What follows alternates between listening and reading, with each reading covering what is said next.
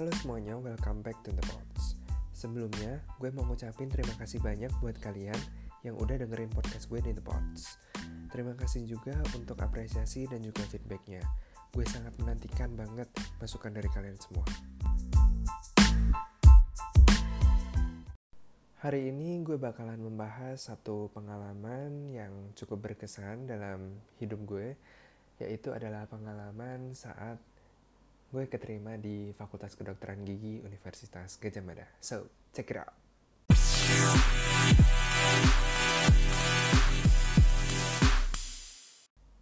Berawal dari gue mendaftar lewat jalur SNMPTN.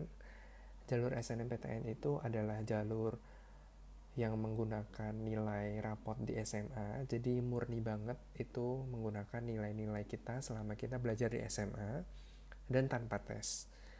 Pada saat itu, gue mendaftar hanya pada satu pilihan saja, yaitu adalah FKG UGM. Di situ sebenarnya gue merasa kalau gue itu nekat, karena kondisi nilai gue itu sangat-sangat pas-pasan. Jadi menurut gue, kemungkinan besar gue nggak akan diterima lewat jalur SNMPTN ini. Dan emang benar, gue nggak keterima lewat jalur SNMPTN di FKG UGM. Emang dasarnya nekat sama bodoh itu emang kadang tuh deketan. Kemudian lanjut, setelah gue nggak keterima lewat jalur SNMPTN, jelas gue harus menempuh jalur SBMPTN untuk ke perguruan tinggi negerinya. Tapi sebelumnya, gue daftar di Fakultas Kedokteran Gigi pada salah satu universitas swasta di kota gue yang gue nggak mau sebut namanya. Nah di universitas ini tesnya itu adalah computer based test atau CBT yang terdiri dari dua tahap yaitu adalah psikotes dan juga tes mata pelajaran pada umumnya. Nah ketika kita daftar untuk ujian di universitas ini kita itu nanti akan mendapatkan tiga kali kesempatan ujian. Di mana kalau misalnya kita itu pada kesempatan pertama gagal, kita itu bisa memakai dua kesempatan lainnya gitu. Nah, di tahap awal, gue itu lolos di psikotes. Kemudian gue bisa lanjut di tahap yang kedua, yaitu tes mata pelajaran. Di situ uh, gue ngerjainnya lewat komputer karena komputer based test dan kalau komputer based test itu setelah kita ujian itu nilainya langsung keluar di komputer pada saat itu juga dan di depan muka kita gitu. Dan pada tahap kedua ini gue nggak lolos. Jujur pas uh, itu itu adalah pertama kalinya gue ngerasa sedih banget karena di universitas swasta ini aja gue nggak keterima gitu. Apalagi di universitas yang lebih banyak pesaingnya gitu. Jadi gue merasa hopeless banget pada saat itu tapi gue sadar kalau gue itu harus bangkit lagi dan mencoba untuk tes lagi di lain hari. Sampai gue itu udah ikut dua kali pada saat itu kesempatannya udah gue pakai dan akhirnya kesempatan gue habis semuanya. Dan gue coba lagi untuk daftar lagi sampai gue ikut tes di universitas swasta itu sampai 13 kali dan gak ada satupun yang lolos. Tapi gue masih gak mau nyerah akhirnya gue mencoba untuk move on ke universitas swasta di kota yang lain yang uh, tesnya itu memakai paper based test. Yang gue lebih seneng untuk paper based test daripada computer based test karena paper based test itu kan uh, kita lebih bisa untuk fokus gitu. Kalau gue sih gitu. Jadi gue lebih prefer untuk ikut paper based test. Nah di situ tes yang diujikan itu cuman tes potensial akademik doang. Jadi nggak ada tes mata pelajaran yang lain selain itu. Jadi menurut gue itu sangat-sangat gampang dan gue bisa ngerjainnya. Tapi pada saat itu gue ternyata nggak lolos lagi. Sampai gue masih penasaran dan mencoba untuk ke periode yang selanjutnya yaitu tiga bulan setelahnya itu dibuka lagi periode selanjutnya untuk paper based test. Dan ternyata gue juga nggak lolos lagi gue merasa pada saat itu kayaknya gue emang bodoh banget gitu sampai kayaknya nggak ada univ yang mau nerima gue apalagi di Fakultas Kedokteran Gigi.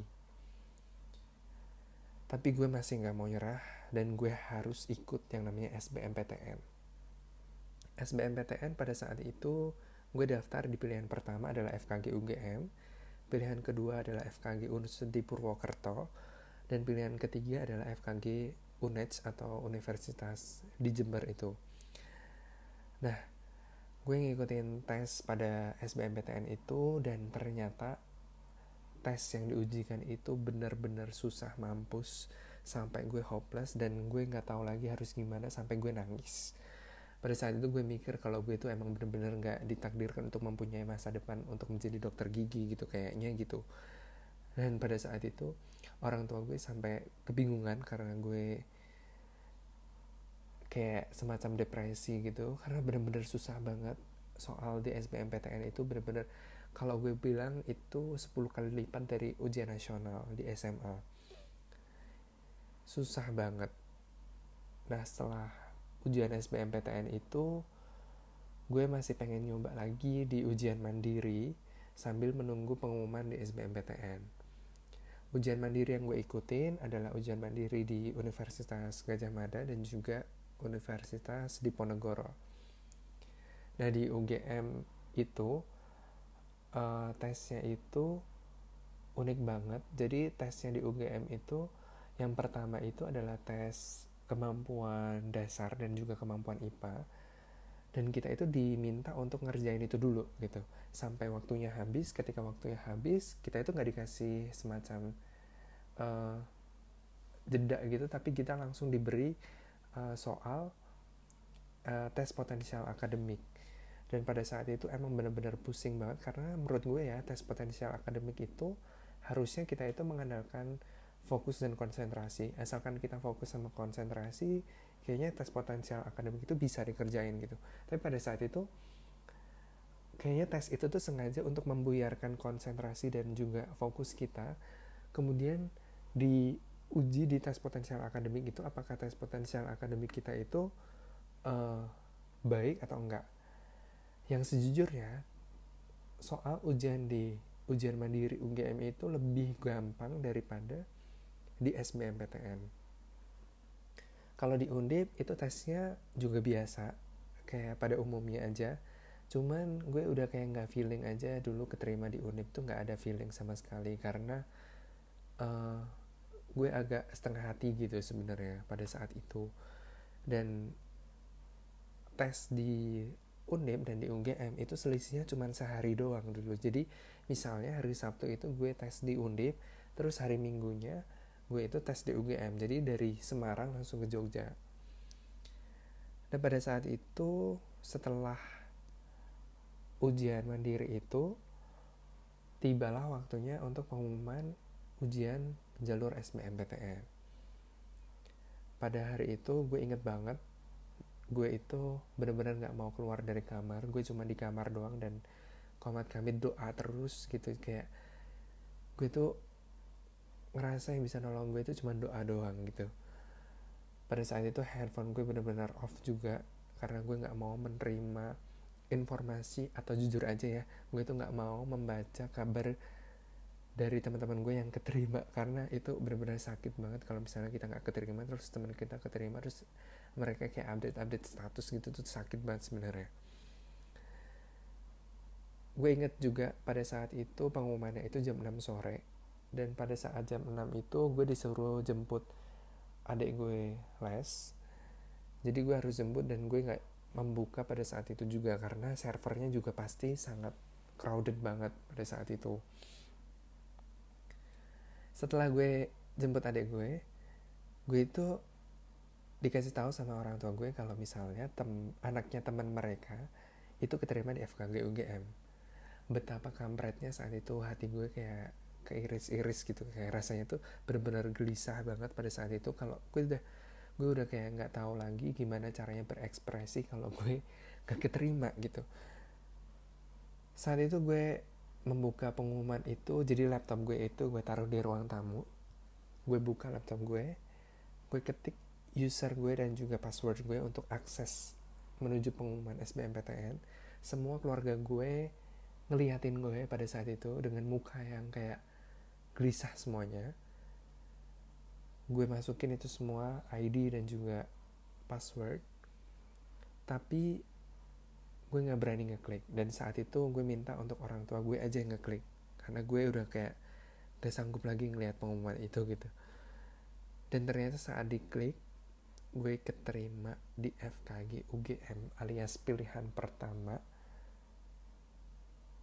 lewat jalur SBMPTN dan itu bener-bener gue kayak speechless banget.